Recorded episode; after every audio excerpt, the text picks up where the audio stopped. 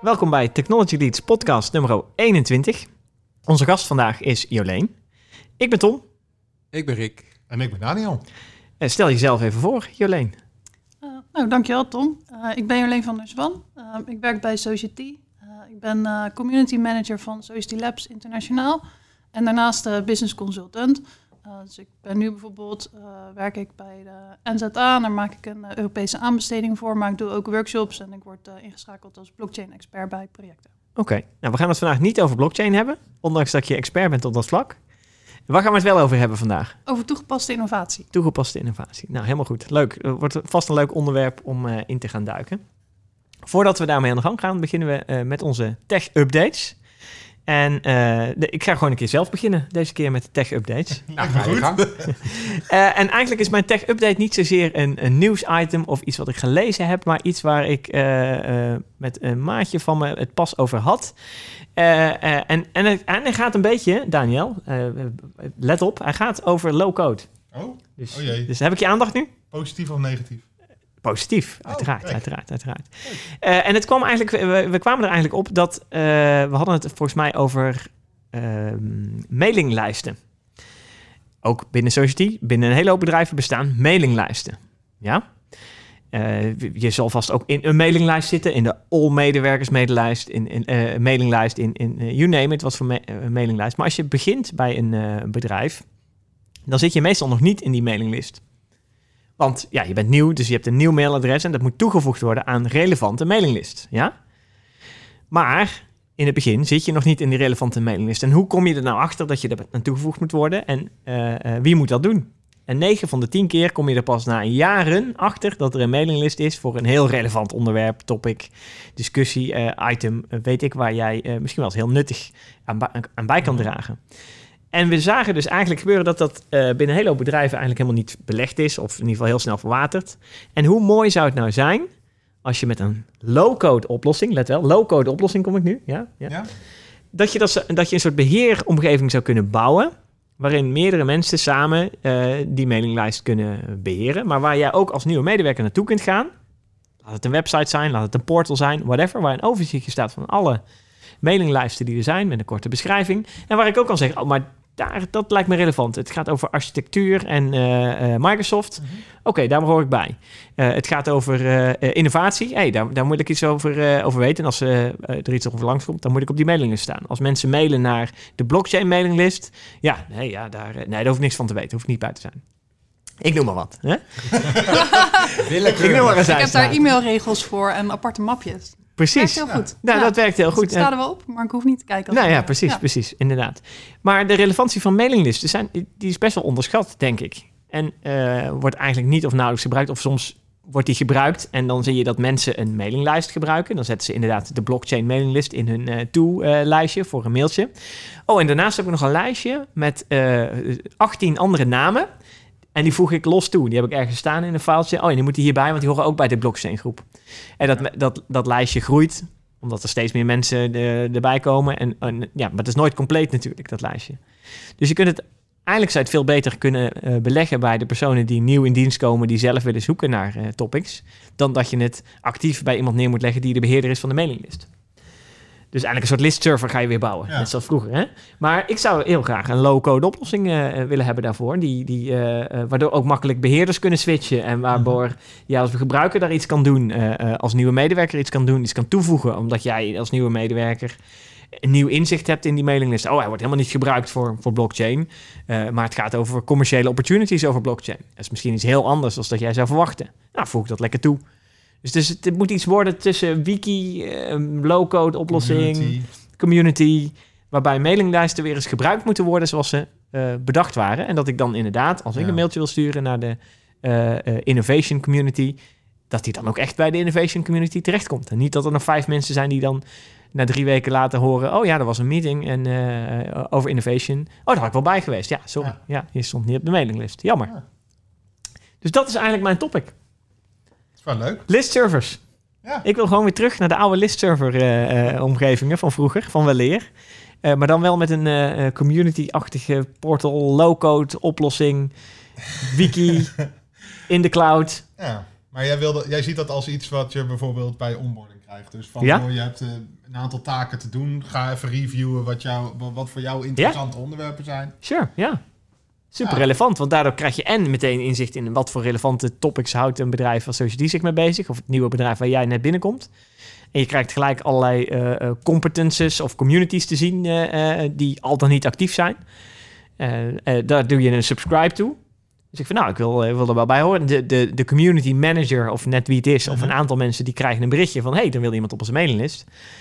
Oh ja, maar we doen eigenlijk helemaal niks op onze mailinglist. En, maar doordat je die melding krijgt, kun je zomaar ineens die idee krijgen, Ja. oh, misschien moeten we er iets mee doen. Ik zit al zo aan te luisteren, Ja. Tom. Maar waarom is low-code hier relevant? Nou, omdat eh, je daarmee een soort drempel weghaalt, omdat mailinglists beheerd worden op een hoger niveau in organisaties vaak. Ja, maar ik, ik hoop dat er gewoon een applicatie is waar je mailinglisten in kan bijhouden. Dan wil ik toch, als ik mailinglist manager ben, überhaupt niet hoeven Ja. coderen. Ook niet met low-code. Nou, ik, het zal je verbazen hoe complex het zal zijn om één persoon toe te voegen aan een mailinglist. En ik denk dat als jij een, eh, een low threshold, low-code oplossing neerlegt, waarin eh, Ja, eh, of- mensen zelf je aan moet kunnen een sleutelen. mailinglist applicatie hebben, want Er is, eh, er is iets. Ehm, wat jij nu eigenlijk beschrijft. Oh, oh, oh, nou, kom maar door. Klinkt als Microsoft Teams. Ja, maar kun je daar mailinglijsten beheren? Ja, want eh, Microsoft Team, daar, daar zit eigenlijk, ja, dan wordt het een heel moeilijk verhaal, maar Ja? er zit eigenlijk een Office Group onder. En Office Group is een nieuwe versie van een mailinglist. Oké, Dus je hebt een distribution list erin zitten. Als je dus een team aanmaakt, heb je automatisch, heb je dus eigenlijk al een mailinglist. En ja. daarnaast krijg je een SharePoint site waar je bestanden kan opslaan. Je krijgt een team waar je in kan chatten. En je hebt Ja. allemaal andere onderdelen die je kan toevoegen. En een team heeft een eigenschap Maar waarbij je kan zeggen dat het openbaar of eh, Ja, ja, ja. private ja. moet zijn. Ja. Nou, en daar kan je dus ook gewoon grasduinen in alle teams die er zijn. Oké, Waaronder dus Dat is een belangrijk gewoon, element. Als jij blockchain wil zien of eh, innovatie of weet ik veel wat, dan kan je daar eventueel lid van worden als het een publiek team is. En als Uiteraard. het geen publiek team is, kun je dan heb je de mogelijkheid om te applyen. Ja, oké. Nou, dat is waar ik ook heen wilde. Je moet gewoon kunnen applyen naar een... eh, maar heb je er ook echt een mailinglist? Heb ik daar een, mailadres waarbij ik naartoe kan mailen? Ja. Oh, ja. Sterker nog, je kan zelfs in een team. ja, nou, je In hebt een- toch geen low-code nodig. Ja, ja. sterker nog, in Oh, een oh. team kan je, eh, je hebt daar kanalen in zitten. Dus Ja. standaard heb je altijd kanaal general of algemeen. Ja, klopt, ja. ja. Ja, en die kan je ook nog een e-mailadres geven. Per kanaal. per kanaal. En het mooie daarvan is dat je dus als je een mailtje in je mailbox hebt, wat jij heel interessant vindt, een nieuwsbrief of eh, een mail van een eh, collega of iets dergelijks, Mhm. en die hoort eigenlijk in dat team of is voor dat hele team relevant, Aha. kan je mailen naar dat kanaal. En dan wordt die- de mail in de chat ook weergegeven. Ah. En kan je vervolgens ook de bijlagen bijvoorbeeld openen die erbij zitten, want die worden automatisch in dat team geplaatst. Ja, oké, oké. Nou, eh, een mooie oplossing, maar dan heb ik toch een maar. Want dan heb je wij het nu over Microsoft Teams. Prima. Maar dan heb je wel Microsoft Teams nodig. En, en Ja, niet een, een andere mailinglist, andere mailapplicatie, eh, Lotus Notes, ik noem maar wat. Ja. Je maakt mij niet wijs dat eh, Google dit ook niet kan. Nou, je hebt Slack ja, bijvoorbeeld. Die, Slack, die hebben ja. ook mogelijkheden om het naar een bepaald Maar is dat kanaal- Nee, nee. mailinglijst? Mailinglijst? Slack? Volgens mij is er wel iets Channels, mogelijks in, ja. da- ja, in dat Hm. gebied. Hm. En dan kan je een e-mailadres opvoeren die misschien altijd geüpdate moet worden als je er iets heen stuurt. Of, ja. Ja, precies. Zoiets zal je Ja, ongetwijfeld het, ook het punt is natuurlijk dat je vaak binnen organisaties zie je... Hè, eh, ja, het is nu makkelijk om even Society als voorbeeld te nemen. Ja. Wij hebben natuurlijk een Society.com mailing eh, eh, eh, einde. En je hebt natuurlijk allerlei mailinglists met blockchain at society.com Mhm. bijvoorbeeld. En daar zou je naartoe willen mailen, zeg maar. En dat kan je natuurlijk als je binnen je eigen organisatie Microsoft Teams hebt, zou je dat kunnen bouwen. Mhm. Maar als je eh, een, een outside organization bent die dan weer een Google mail gebruikt of zo, dan wordt het misschien wel lastiger, denk ik, of niet? Moet je er even over nadenken, op zijn minst. Ja, nou ja goed. Ja. Ik denk dat we hoeven het probleem niet helemaal op te kunnen lossen in deze, deze podcast. Okay. Okay. Het is in ieder geval maar we hoeven niet terug naar de ja. listservers van vroeger dan. Ik vond het ook wel een charmante oplossing namelijk. Er zijn wel meer oude oplossingen die charmant waren. Ja? Maar, maar? Ja, pas nou op, anders begint hij weer over de ponskaart. Oh, ja, ja, ja, ja, ja, ja. ja. Nou, dat was een hele mooie. En waarom moet het eigenlijk mail zijn? Ja. Nou, eh, eh, soms wil je een soort announcement doen of iets dergelijks. Ik zat Hmm. daar meer eh, in. En, ik, en het was ook inderdaad in het onboardingproces, dat, dat, hè, wat Daniel net ook zei. Dit- dat is natuurlijk wel heel interessant. Ik sprak toevallig begin van deze week met een paar nieuwe medewerkers. En die waren echt op zoek van, oh, waar kan ik informatie vinden over dit en dat en zus en zo. Eh, ehm, en het zou mooi zijn als je inderdaad een overzicht... Nou, Teams zou mooi middel kunnen zijn, maar dat je een overzicht hebt van alles. En mailinglijsten, typisch, je maakt een mailinglijst omdat je die daar announcements wil doen of conversaties wil hebben over een bepaald onderwerp of onderwerpen gegroepeerd. En dat was een beetje hoe we daarop kwamen. En, en, en dat het niet goed bijgehouden worden. Dus als ik iedereen wil uitnodigen om naar eh, een event te komen die gaat over eh, AI en testen, dan wil ik in ieder geval mensen hebben die eh, nou, de testing mailinglist hebben. En wat je typisch ziet is dat die mailinglijsten nou niet zo heel denderend bijgehouden worden. Eh, eh, dus dan krijg je de mailinglijst en nog 15 andere personen. En dan heeft Rick nog drie andere invites. En dan komt Jolene nog met nog een andere hoek en die forward, het, et cetera, et cetera. Dus ik zat meer van, ja, waarom kunnen we niet een mechanisme bedenken dat eh, dit veel meer up-to-date houdt? En ja, moet het dan mail zijn? Ja, nou ja, dat, dat, daar begon het eigenlijk over. Dus zodoende. Ik. Maar Slack, ja, ik ben ook fan van. Slack. Dus eh, misschien moet je wel zeggen, nou, mailinglijsten. eh, we gaan alles met Slack doen. Of in Teams channels of in Ja? whatever, whatever you want. Oké?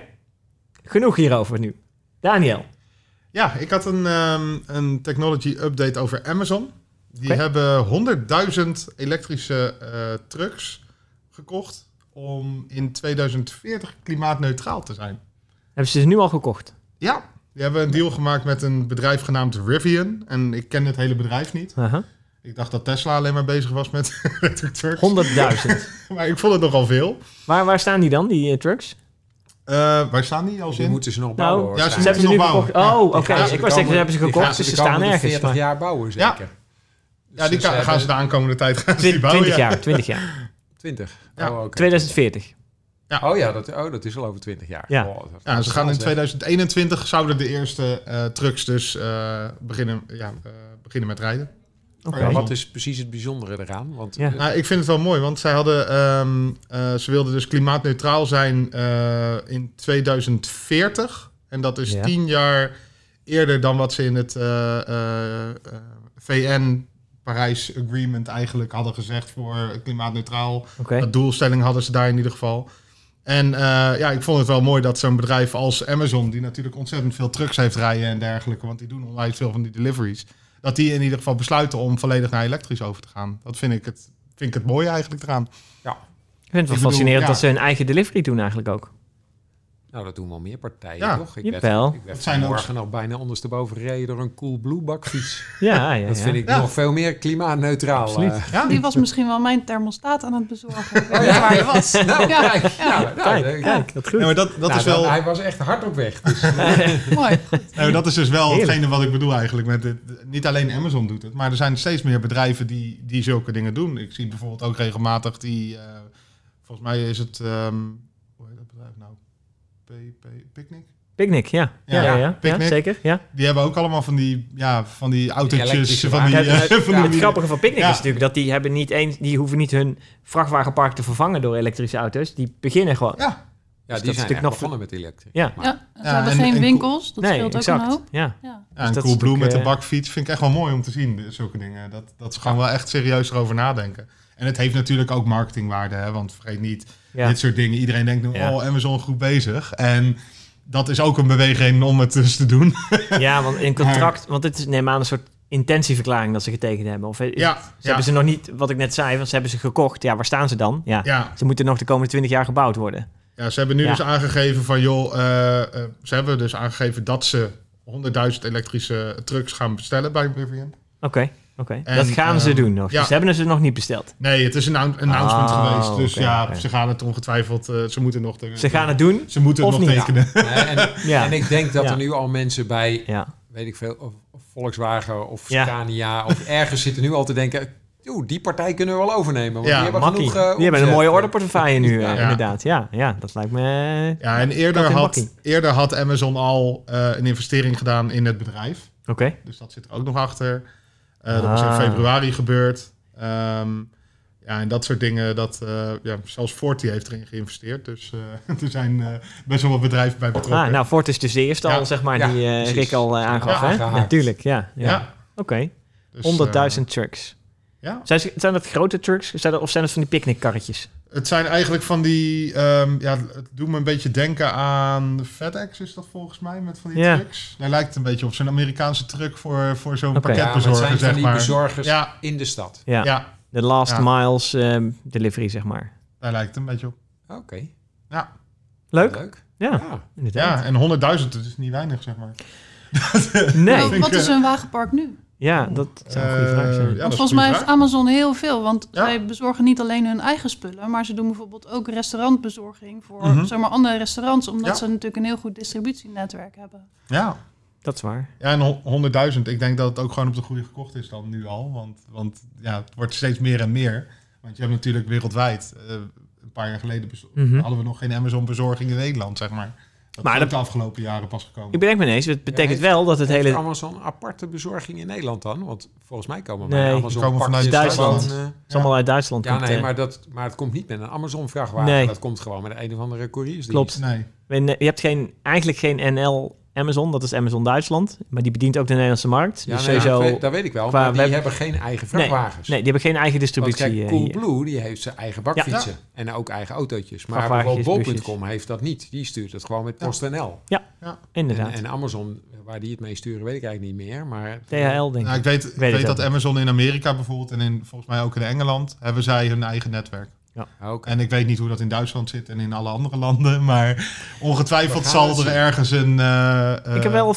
ja. eh, begin van de week heb ik een Amazon vrachtwagen, truck, Ja, een trailer zeg maar zien rijden in, Oh, ja? Neder- in Nederland. Oh, was een Duitse truck, overigens, toevallig. Oh, Oké. Maar je ziet niet veel. bestelling. Ja. dat was... eh, nee, dat waren- 100.000 thermostaten misschien. Ja, nee, Ja, misschien nee, was het Coolblue wel. Oh ja. Ja, nee, of het waren die, die twee plugjes die Daniel nog nodig Oh. heeft. Hij heeft misgeklikt, denk ik. Ja, 2000 te veel plugjes nullen. of Ja. twee. Ja, ja, ja, ja, ja, ja. Ja, Dat shit. zal het zijn. ja, dat zou leuk zijn. Oké. Ja. Rick, wat Ja. was jouw eh, tech-update van eh, deze Ja. podcast? Ik kwam een eh, artikel tegen van Sander Duivenstein, Menno van Doorn en Thijs Pepping, onze Ja. Vint-collega's, met als boeiende titel Blinde vlek voor radicaliseringsmachine. Toen dacht ik, nou, een machine, dus dat is een tech-update, dus laten we daar eens induiken. Ja. En waar het over gaat is dat ehm, we in de maatschappij eigenlijk veel te weinig bewust zijn van de radicalisering die het gevolg is van allerlei internetfora en zo. Dus eh, mensen hebben met internetfora een hele makkelijke manier om, nou, zoals hier bijvoorbeeld als voorbeeldje staat, eh, eh, complottheorieën eh, te verspreiden. Dus Ja. in plaats van dat je objectief nieuws en zo hebt, kunnen Mhm. mensen op internet allerlei niet eh, objectieve dingen gaan, eh, ja, gaan verspreiden. En eh, dat is een beetje aan het licht gekomen recent. Toen was er wat met H-Chan, zo'n een Oh ja. kanaal. Ja, ja, ja. Het is heel Ehm, bekend forum inderdaad. Mhm. Ja, en, en toen is eh, eh, toch wat meer duidelijk geworden... eh, ja, wat voor negatieve invloed dat soort eh Maar- podia en fora kunnen hebben. Is, ja, is, dat, is dat nieuw? Ik heb zoiets. Nou, het, ehm, ik bedoel, het de, de- nieuwe eraan is dat er steeds meer duidelijk wordt hoe enorm de invloed daarvan is. Ehm, ja, oké. eh, eh, want het, het begint natuurlijk een beetje onder de radar dat mensen denken van nou, er zijn wat mensen een beetje leuke informatie aan het uitwisselen op internet. Ja. Maar die zijn zeer effectief in het ja, zeg maar radicaliseren van mensen. Dus, eh, en, en dat heeft misschien Maar ook heeft- wel maar wacht, met, wacht, met ja, maar- filterbubbel-idee te maken. Dat als iemand... ja, ik wou zeggen, het werkt twee kanten uit natuurlijk. Ja. Hè? Aan de ene kant kun je zenden, aan de andere kant ontvang je. ja, ja. En je hebt dan, ik bedoel, dat mensen kunnen zenden, dat is al iets van alle tijden, denk ik. En of dat nou een forum is of eh, radio van vroeger of eh you name it. Mensen, Ja, gaan- maar mensen je- zenden alles uit, zeg maar, wat ze, wat ze kwijt willen. Hè? Ja, maar het en heel is- vroeger stonden mensen op, op kistjes op de markt, zeg maar, te roepen. Ja, maar toen was het veel moeilijker om... eh, eh, zeker bij radicalisering gaat het natuurlijk om een relatief kleine groep. En die moet je maar net weten te vinden. Nou, en, en als je op een kistje op de markt ging staan... dan moest je op heel veel markten staan... voordat je genoeg volgelingen had. En Ja. nu kan je via internet heel makkelijk Ja, heel veel mensen bereiken. Ja. Natuurlijk, natuurlijk. Maar goed, het kistje op de markt van vroeger in de middeleeuwen was het heel makkelijk om wat mensen op de been te brengen om te roepen dat de kasteelheer eh, het slecht deed of zo, ik noem maar wat. Ik heb geen idee, ik heb het nog nooit gedaan, dus ik weet niet of het makkelijk was. Nee, maar de historie wijst toch wel uit dat, dat destijds de... eh, het, Het was de eh, tijd van de ponskaarten. Nou, dat was ruimschoots ruimschoots daarvoor. daarvoor nog, inderdaad. Ja, Dat is eh, van het perkament. ja, ja. ja, oh ja. Die heb je ook nog meegemaakt. Vellum, eh, Vellum had je toen. inderdaad, op een Wat was gegeven dat? Vellum? Ja, dat is papier eigenlijk. Oh, oké. Ja. Dat ook een soort, maar eh, anyway. Eh, de, eh, ja, dus, dus internetfora werken radicalisering in de hand. Is dat een beetje de samenvatting? Ja, Maar dit is toch, En- ik bedoel, het gaat er om, oké, je, je- ja, je bereikt een groter publiek. Dat, oké, daar ben ik mee eens. Met internet kun je een groter publiek bereiken. Natuurlijk was fake news een tijd geleden was ook zoiets. Waardoor je een groot publiek bereikt met een nieuwsitem dat ofwel fake is of niet. Ja, hè? Maar goed, de ontvanger moet nog steeds filteren naar wat hij wat hij leest. Ik bedoel, als jij ja van nature het- heel erg vatbaar bent voor allerlei eh, hippe theorieën. Ja, of je dat nou via een internetforum krijgt of via eh, dat kistje op de markt, eh, ma- maakt natuurlijk daarin niet heel veel uit, wel? Nou ja, toch zijn er mensen. Er wordt hier gerefereerd aan Guillaume Chaslot, denk ik dat je het uitspreekt. Een van de bedenkers van de aanbevelingen van YouTube, hè, het algoritme wat erachter zit. Mhm. Die maakt zich zorgen over wat voor aanbevelingen er gebeuren. En daar heb je weer een beetje het filterbubbel Dan hebben we de filterbubbel idee, ja. Dus eh, eh, mensen die al geïnteresseerd zijn in geweld, eh, gewelddadige dingen, die Krijgen alleen maar er meer te alleen zien. maar meer te zien. Ja. En er staat ook bij een van de oprichters van Twitter, Chris Wetherall, die zegt ook dat hij spijt heeft van de mogelijkheid om te retweeten. Want daarmee kun je heel snel onder grote groepen eh, informatie laten uitspreiden. Ja. En dat, Dat klopt. eh, ja, dat, dat voedt dus eh, extremisme of, of Radicaliseren. radicalisering, ja. Ja, maar dan, dan ben ik toch kritisch, zeg maar. En dan vind ik, vind ik dan toch... Ik bedoel, die fora waren er al, zeg maar. Die zijn er altijd al geweest. En er zijn... Je hebt een forum voor alles. Je hebt een dat voor bierbrouwers en maar een forum vroeger voor... wisten mensen die niet zo snel te vinden. En nu, door bijvoorbeeld al die retweets, eh, is de olievlek veel groter en veel sneller. Jawel, maar nog steeds als ik niet geïnteresseerd ben in bierbrouwen... en er is een forum met allemaal geweldige feitjes en nieuwtjes... en, en recepten voor, over bierbrouwen... Ja, het kan zijn dat die beter te vinden is... maar Nee, als ik niet geïnteresseerd ben, ga ik er niet heen. Nee, precies. Maar ik ben totaal niet geïnteresseerd in bierbrouwen. Dus normaal zou ik dat Ja. ook nooit zien. Nee? Maar omdat ik op Twitter ene Tom van de Ven volg... ja? krijg ik iedere keer allemaal dingen over bierbrouwen langskomen. En, en ja, dat, ik was er niet En- naar op zoek, maar het komt wel op mijn pad. En dat is mij nu mijn vraag. Ben je nu langzaam geradicaliseerd tot bierbrouwer? Nou, als jij binnenkort bier naar je hoofd krijgt, dat je Oké, oké. Ik, ik blijf maar in mijn hoofd met... eh, ik heb laatst een documentaire gezien over mensen die geloven dat de aarde plat is. Oh ja, De ja. Flat Earthers. De en ik vond het echt ja. eh, fascinerend eh, hoe ze daarover vertelden. Ja. En hoe ze vertelden hoe ze in die beweging waren terechtgekomen. En ik, nou, ik heb, weet niet meer wat nou de invloed... of daar invloed was ook van Fora bijvoorbeeld...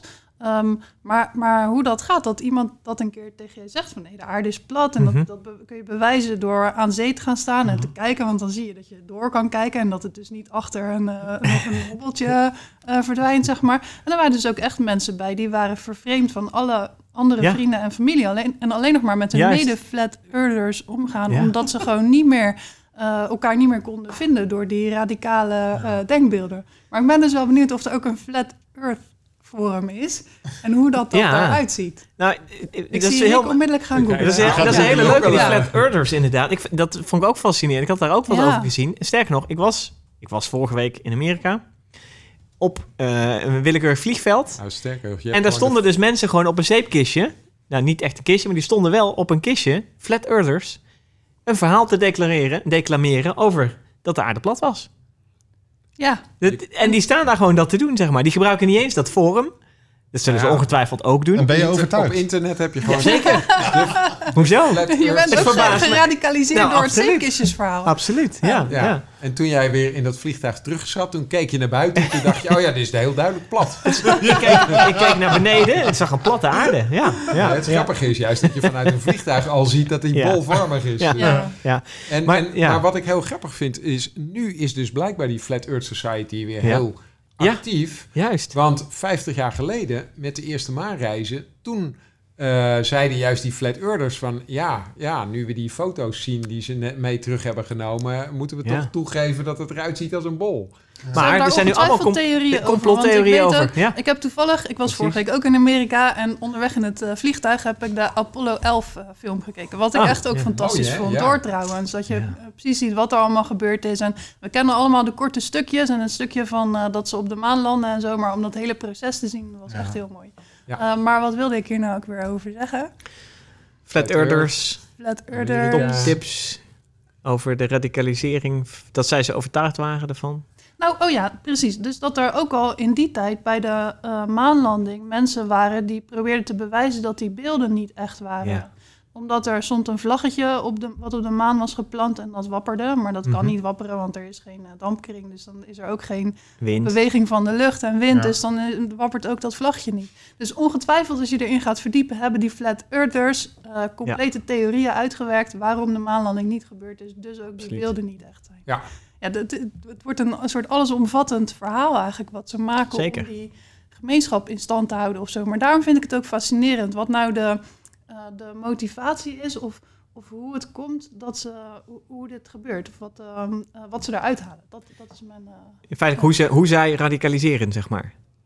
ja, Ja, ja want het, ja, want het, het want feit dat het nu... iets opleveren, anders dan... Ja, het is zo raar. En het, het is zo'n ja. raar concept, zeg maar. Dat het, en dat het juist nu weer heel erg groot aan het worden is. Is Ja. ook, ja, nou ja, vreemd weet ik niet. Maar dat, ja, misschien omdat we weer bezig zijn met maanreizen en, eh, eh, en, er dat een soort zaken. is.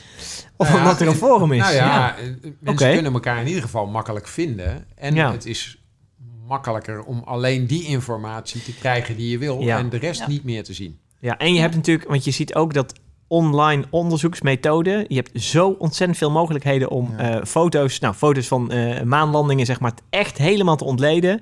Eh, informatie vanuit 3000 invalshoeken bij elkaar te eh, plotten en daar een conclusie aan te verbinden. Je hebt, eh, hoe heet ze, de, die Bellingcat eh, Ja, ja. organisatie bijvoorbeeld. Die gaan dan kijken inderdaad hoe dat de MH17-ramp eh, uiteindelijk helemaal eh, eh, ehm, ja, tot stand is gekomen, zeg maar. En dat kun je bijna volledig van, via internet doen. Hè? Daar hoef je bijna niet eh on-site voor te zijn om dat te kunnen doen. Zo heeft Bellingcat dat ook gedaan. Hè? Ja, toch? Wat ze Ja. hebben gedaan, dat zegt ze zelf ook, was niks Ja. bijzonders. Ze hadden alleen heel veel tijd Juist. eh, en geduld en doorzettingsvermogen om al die dingen bij elkaar te zoeken en te analyseren en daar één verhaal van te maken. Maar ik vind het fantastisch. ook. Ja. We hadden toch Ja. dat Facebook van Rusland, ik weet niet meer hoe dat heette. Maar zo'n Russische Facebook-site of zo hadden ze helemaal nageplozen om te kijken wat die Ja, militairen met die Ja. bukraketten, waar die allemaal waren Klopt. geweest Ja, en dat ja, soort Klopt. dingen. Foto's met Ja. achtergronden Ja. vergeleken met eh, dingen en zo. Ja, ja. Maar ik kan me dus wel voorstellen dat dus een, eh, de Flat Earth Society feitelijk ook een Bellingcat is. eh, met heel, heel veel enthousiaste mensen, met heel veel tijd. Eh, misschien gewoon, die het gewoon als een soort hobby zien bijna. Ja. Om te bewijzen dat de aarde plat is. Eh, als je maar van overtuigd genoeg van bent, dan, dan, dan ja. Ja. ga je alles erbij halen om dat te kunnen doen natuurlijk. Dus eh, ja, vanuit dat, dat oogpunt is het, eh, kun je dat gewoon doen nu, nowadays. Dus misschien dat het daarom wel zo groot aan het worden is. inderdaad. Ja. Super interessant. oké. Oké, nou dat eh, eh, eh, zo, zover tech-items. Tenzij Jolene zelf nog misschien een, een tech-item heeft, iets wat je opgevallen is de afgelopen week, weken in het nieuws. Nou ja, je had de Apollo 11 al als tip in ieder geval. Ja, Philip? dat is zeker een tip inderdaad. Nee, ik moest net denken aan, ehm, eh, door de tech-update van Daniel, aan, ik ben vergeten hoe het bedrijf heette, maar die hebben nu toestemming in Amerika om met kleine karretjes post te bezorgen. Dus kleine onbemande eh, wagentjes. En dat Oh. vond ik toch wel een interessante ontwikkeling. Je zal die tegenkomen Ja. op de stoep Ja. en ik ben dan wel eh, benieuwd hoe dat werkt. Heb Dus, je toevallig op de high-tech campus in Eindhoven het Albert Heijn autonome karretje al gezien rijden? Nee, heb ik niet. Ze hebben op de high-tech campus in Eindhoven hebben ze, heeft Albert Heijn eens een experiment met een, een, eh, een bakfietsachtig karretje. Mhm. Een driewieler volgens mij was het. Die autonoom over de campus boodschappen bezorgt. Ook dat, idee, zeg maar. eh, Een beetje. was een En one-off. Die stopt voor je deur of zo en dan Dat is het idee, kun je je ja. spullen eruit pakken. Ja. En dan, eh, Ja, Ja. Die tutert dan heel hard. En dan, eh, Ja, ja, ja, ja, ja, ja, ja, precies. Ja. Ben jij hem al tegengekomen dan? eh, dat, je, eh, dat je hem bijna een Ik heb botsing hem op, op de. of zo? Nou, nee, niet bijna. Maar ik heb hem zien rijden, inderdaad. En eh, er was ook een klein nieuwsitem. En dat was een one-off, echt experiment met één karretje, één, één eh, ding. Dus dat, dat, dat- ja, dat, daar zijn ze ook mee bezig, inderdaad. En ja, je ziet dus dat er op heel veel manieren geëxperimenteerd wordt met zelf autonome dingen. Oh, dat was, bedacht me nou, dat triggert mij dan weer. Eh 100.000 elektrische vrachtwagens. Is dan Amazon en alle andere eh, logistieke diensten zijn ze afgestapt van hun drone-idee? Want volgens mij was toch destijds altijd het idee om eh, niet meer met, eh, met, met allemaal auto's aan de gang te gaan en vrachtwagens, maar juist met drones alles te gaan, eh, gaan bezorgen. Ja, misschien Maar wel. wat is daarmee gebeurd? Waarom hebben ze niet 100.000 drones besteld? Ja, ik denk dat ze daar nog niet van overtuigd zijn. Oké. Denk ik. En andersom trouwens, er is ook, ik las ook iets over een test in, Jap- in Japan eh, met een passagiersdrone. Ja. Dus dat je juist Ah. geen pakketjes, maar weer passagiers, met een hele ja. grote drone gaat voeren. En toen dacht ik, ja, maar Ja. dat is eigenlijk een soort Eigenlijk van, kleine een- helikopter. Ja. Ja, eigenlijk En- is dat gewoon een, een eh, Taxi. een autonome taxi, alleen dan vliegt hij. 3D, Ja. Ja, soort van. ja. Dan- Dan ga je nog iets minder eh, snel inzitten. top idee, zeg Ik vind het top. Hij wil er, je wil er een, je wil er een. ik wil wel een private drone hoor. Ja, ja, ja. Dat die gewoon op je dak landt. Ja. Nou, Nou, li- niet. liever in de tuin. eh. Nou, ligt er aan waar je woont, denk ik. Ja. Nou, ik heb een schuin dak, dus dat zijn die heel handig. Ja. Maar nu je het over Albert Heijn hebt. Je had natuurlijk Oh. Amazon met een, eigen, met een eigen winkel waar je niet meer hoeft te betalen. Zeg maar. Dus niet meer af hoeft Huh? te rekenen. Je Ik neem aan dat je wel moet betalen, Ja, ja. ja, ja. Maar Oh. dat werd dus Oh, automatisch van je niet rekening. Ja, eh, Meestal de Amazon Go. de Amazon Go, dat, Ja. dat verhaal. Maar dat heeft Albert Heijn nu ook blijkbaar. Klopt. Die hebben ook een winkel die... Ja, die herkent er wat je van de plank afpakt en die eh, weet wat je eh, allemaal in Ja. je tas stopt. En dan gebaseerd op wat hij gescand, wat hij met object recognition, et Ja. cetera, locatie, weet Ja, hij welke producten je hebt gepakt. En dan loop je de winkel uit en dan wordt automatisch afgeschreven. Van, En hoe de identificeert hij jou? Dat weet ik niet. Ja, met je bonuskaart, denk ik. herkennen. Ja, Lijkt- ongetwijfeld. Ja. Toch? Ja, precies. Kan niet anders. Dat moet je overal mee doen, toch? Maar, eh, ik zit even naar de tijd te kijken. Zullen we eens naar het onderwerp van Joleen Ja. toe gaan? Dat lijkt me een goed idee. Ja, nou, hele hoewel we al best wel over innovatieve ideeën, is wel innovaties gehad hebben. Maar toch? vertel eens, Ja, natuurlijk. Ja, natuurlijk.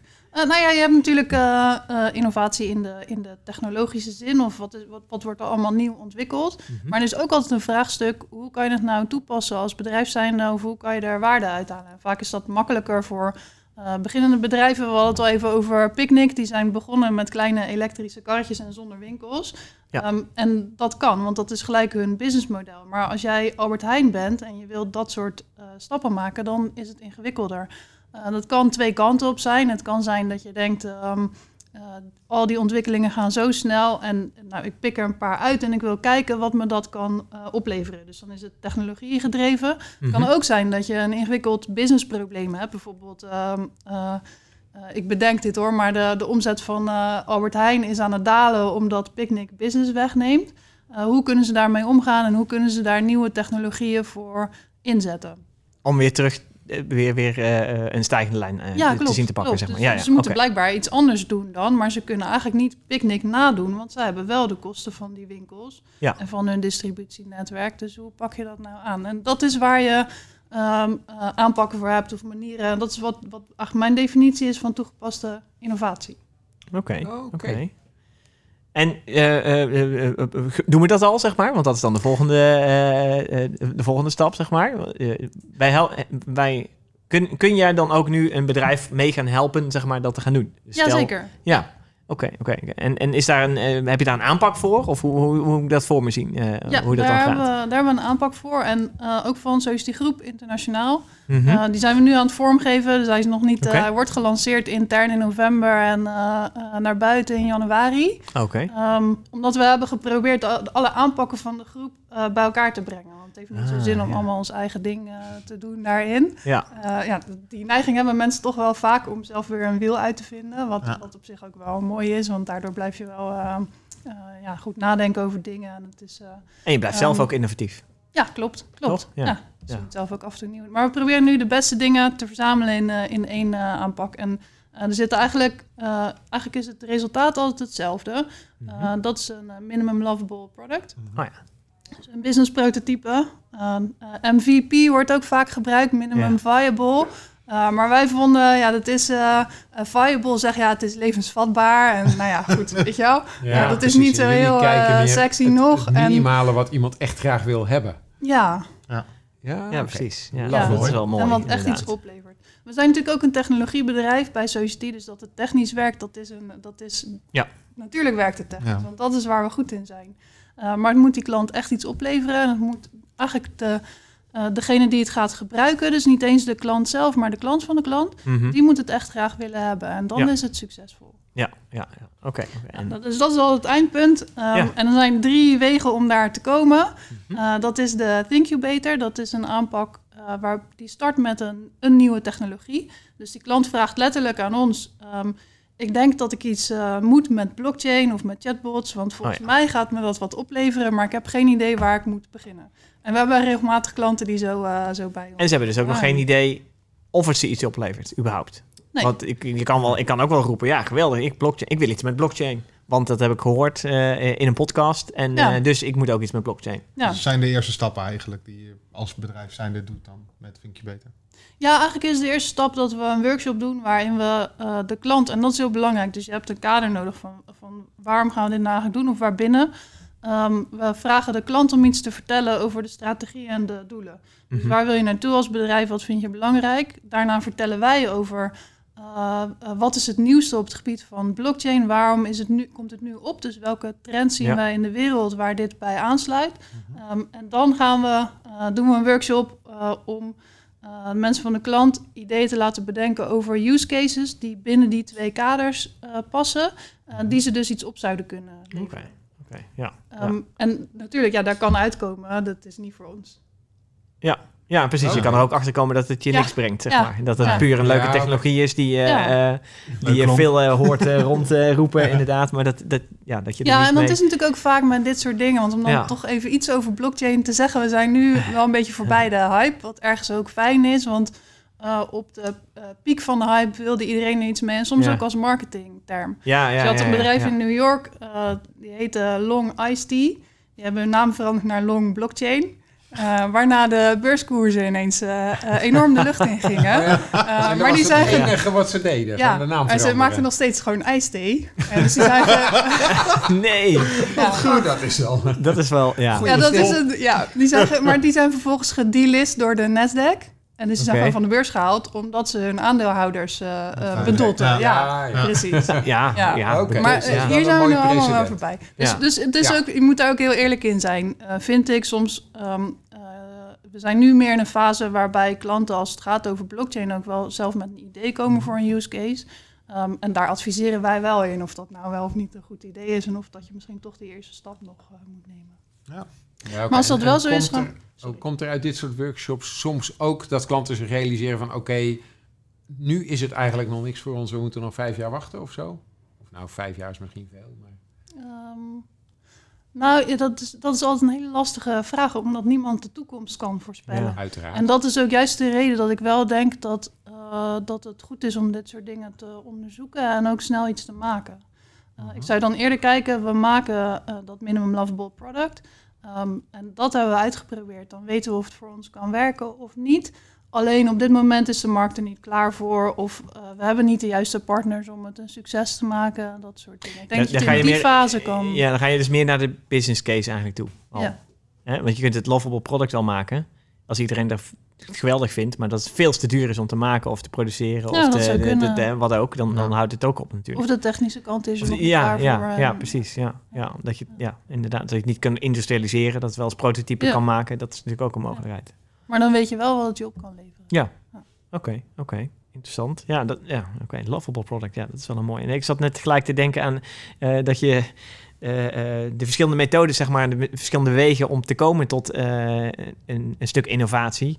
eh, dat je dat samen wil brengen. Dus dat je eigenlijk ook een soort forum wil beginnen, misschien wel binnen Society, waarin je het kunt hebben met z'n allen over eh, eh, innovaties en Ja, innovatiemethodieken en nadenken zo. over een mailinglist of Ja, een Teams ja, ja, ja, site. Of Exact. een combinatie daarvan, heb ik net van Daniel geleerd. Ja, ja, ja. of misschien iets heel innovatiefs. Ja. Ja, dat zou ook zomaar kunnen. bedenken. Misschien moeten we een, een soort meta-MLP maken over toegepaste innovatie. Ja, bijvoorbeeld. Ja, maar ja, ja dan, dan moet je het ook nog betrekken of dat als je een forum aanmaakt intern, dat het niet radicaliseert natuurlijk in, in, in dat Ja. iedereen innovatie uit gaat voeren. Want dan wordt het, je moet ook nog gewone dingen kunnen doen, toch? Daarnaast. Ja, maar eh, innovatie is ook een gewoon ding. Oké. Nou ja, en is het niet zo dat heel veel mensen in, een, in de IT per definitie met innovatie bezig zijn? Want Je bedoelt als je een nieuw product, een stukje code schrijft dat nog nooit geschreven is, dat je dan ook innoveert. Nou, misschien dat ene stukje code nog niet zozeer, maar, maar bijna alle IT-projecten hebben tot doel om het bedrijf efficiënter of beter of eh, nieuwer te maken Mhm. of zo. En dus iedereen is altijd bezig met nieuwe dingen bedenken en, en niet gewoon maar de bestaande dingen nog eens doen. Dat is waar. Dus, dus IT is heeft al heel veel innovatiefs in zich. Ehm, alleen ik krijg de indruk, eh, Joleen, wat, waar jullie mee bezig zijn, is ook vooral de innovatie in het totale bedrijfsproces. Dus niet, niet specifiek op IT. Ja, maar wel technologie, technologie gericht, zeg maar. De, de- Ja, dus het de is wel startpunt is wel technologie. als ik je zo hoor, zeg maar. Bij de Thinkubator Ja, wel. oh ja, En ja, er moet ja, altijd ja, wel een technologie component in zitten, maar dat is ook omdat dat Ja. past bij wie wij zijn als Ja. en omdat dat, dat is waar we Ja, goed in precies. zijn. Ja. Ja, oké. Ehm, maar de s- startpunt kan ook zijn een, eh, eh, een ingewikkeld businessprobleem waar, waar een klant niet uitkomt. Ja. Eh, waar we een soortgelijk proces voor ingaan, maar dan eigenlijk met een andere insteek. Dus eh, dit is het businessprobleem. Hoe kunnen we dat, ehm, hoe kunnen we daar iets mee oplossen met nieuwe technologie? Omdat je Ja. eh, niet weet wat je niet weet. Dus die klant heeft misschien zelf nog niet bedacht dat een chatbot een oplossing kan zijn voor zijn probleem bijvoorbeeld. Of ja, of dat Cobotics ineens de oplossing gaat zijn voor de productieprobleem. Ja. ja. dat soort dingen. Ja, ja. Oké, oké. En Ja. een derde, derde smaak is dat ehm, vaak zijn eh start-ups en kleine bedrijven sneller in eh, de technologische innovaties dan, eh, dan wat grotere bedrijven. Eh, dus hoe kan je we, in de technology ecosystem scan kijken met klanten in welke markt zij zitten, wat daar belangrijke trends in zijn en wat dan maak een soort longlist van eh start-ups die interessant kunnen zijn om mee samen te werken, om dat te helpen versnellen. Uh, die longlist wordt een shortlist, die nodigen we uit, die bedrijven. Uh, om gewoon om, om een soort deep dive te doen in uh, wat doen jullie nou en wat kan je betekenen en hoe kan je dat bedrijf verder maken. En ook dat resulteert in dat we een MLP met ze maken. Oh, ja. Oké. Is het dan ook Dat nog interessant, want dat, dat, dat, dat vind ik wel een interessante tak van sport, zeg maar. Die start-up-like mentaliteit bij eh, kleinere bedrijfjes, zeg maar. Soms zijn inderdaad grotere bedrijven met inderdaad grote businessprocessen, gevestigde orde, Hmm. dat die juist tegen het probleem aanlopen dat ze eh, niet, niet zo eh, wendbaar zijn om te kunnen innoveren. Hè? Omdat ze een soort logheid in zich hebben of, of, eh, nou ja, gewoon tegen hun eigen eh, behoudende karakter aanlopen soms. Mhm. Hoe is er dan ook nog iets waarbij je kunt zeggen van nou, misschien dat je niet naar een lovable product moet, maar dat je meer moet kijken van hoe kun je een soort start-up mentality in een bedrijf brengen, zodat je wel innovatiekracht kunt genereren. Oh, Is dat, dat ook denk nog ik ook iets? zeker, ja. ja. Het is wel iets minder mijn eh, expertise. Mhm. Eh, het raakt natuurlijk ook heel erg aan eh, agile werken en coaching daarop, omdat je daar ook naar de hele organisatie kijkt Ja. en hoe die samenwerken en hoe die meer Mhm. wendbaar kunnen zijn. ja, Ehm, eh, bij ons is het eigenlijk, of, of wat ik doe, is dan eigenlijk kleiner. We nemen altijd mensen van de klant mee in dat proces naar het MLP. Ehm, het is heel belangrijk ook dat de juiste mensen van de, van de klant in die workshop zijn. En je merkt dat daar ook een ander soort eh, energie ontstaat. Eh, meer ook van tussen klant en leverancier samenwerking. Dus we zijn gewoon één team. Er, er is niks, nou ja, dat is een ander soort eh, relatie. Maar je merkt ook dat ze daar anders door gaan, door gaan denken. Maar dat is niet iets wat gelijk het hele bedrijf. oké, oké, oké, oké, goed, ja. Oké, goed, helder. Ehm, ja, ik denk dat we uh, richting het einde van deze podcast gaan. Mhm. Uh, ik uh, wil jou bedanken, Joleen, voor jouw uh, aanwezigheid in de podcast. Ja, graag gedaan. leuk om over de minimum lovable products te praten. en als spin-off van al onze geweldige tech-items van deze podcast, om, om, die daar allemaal in te vermengen. Ja. dus dank daarvoor. Ja, graag gedaan. ik zou zeggen, dank luisteraars en tot de volgende podcast. Ja, tot de volgende keer. ziens.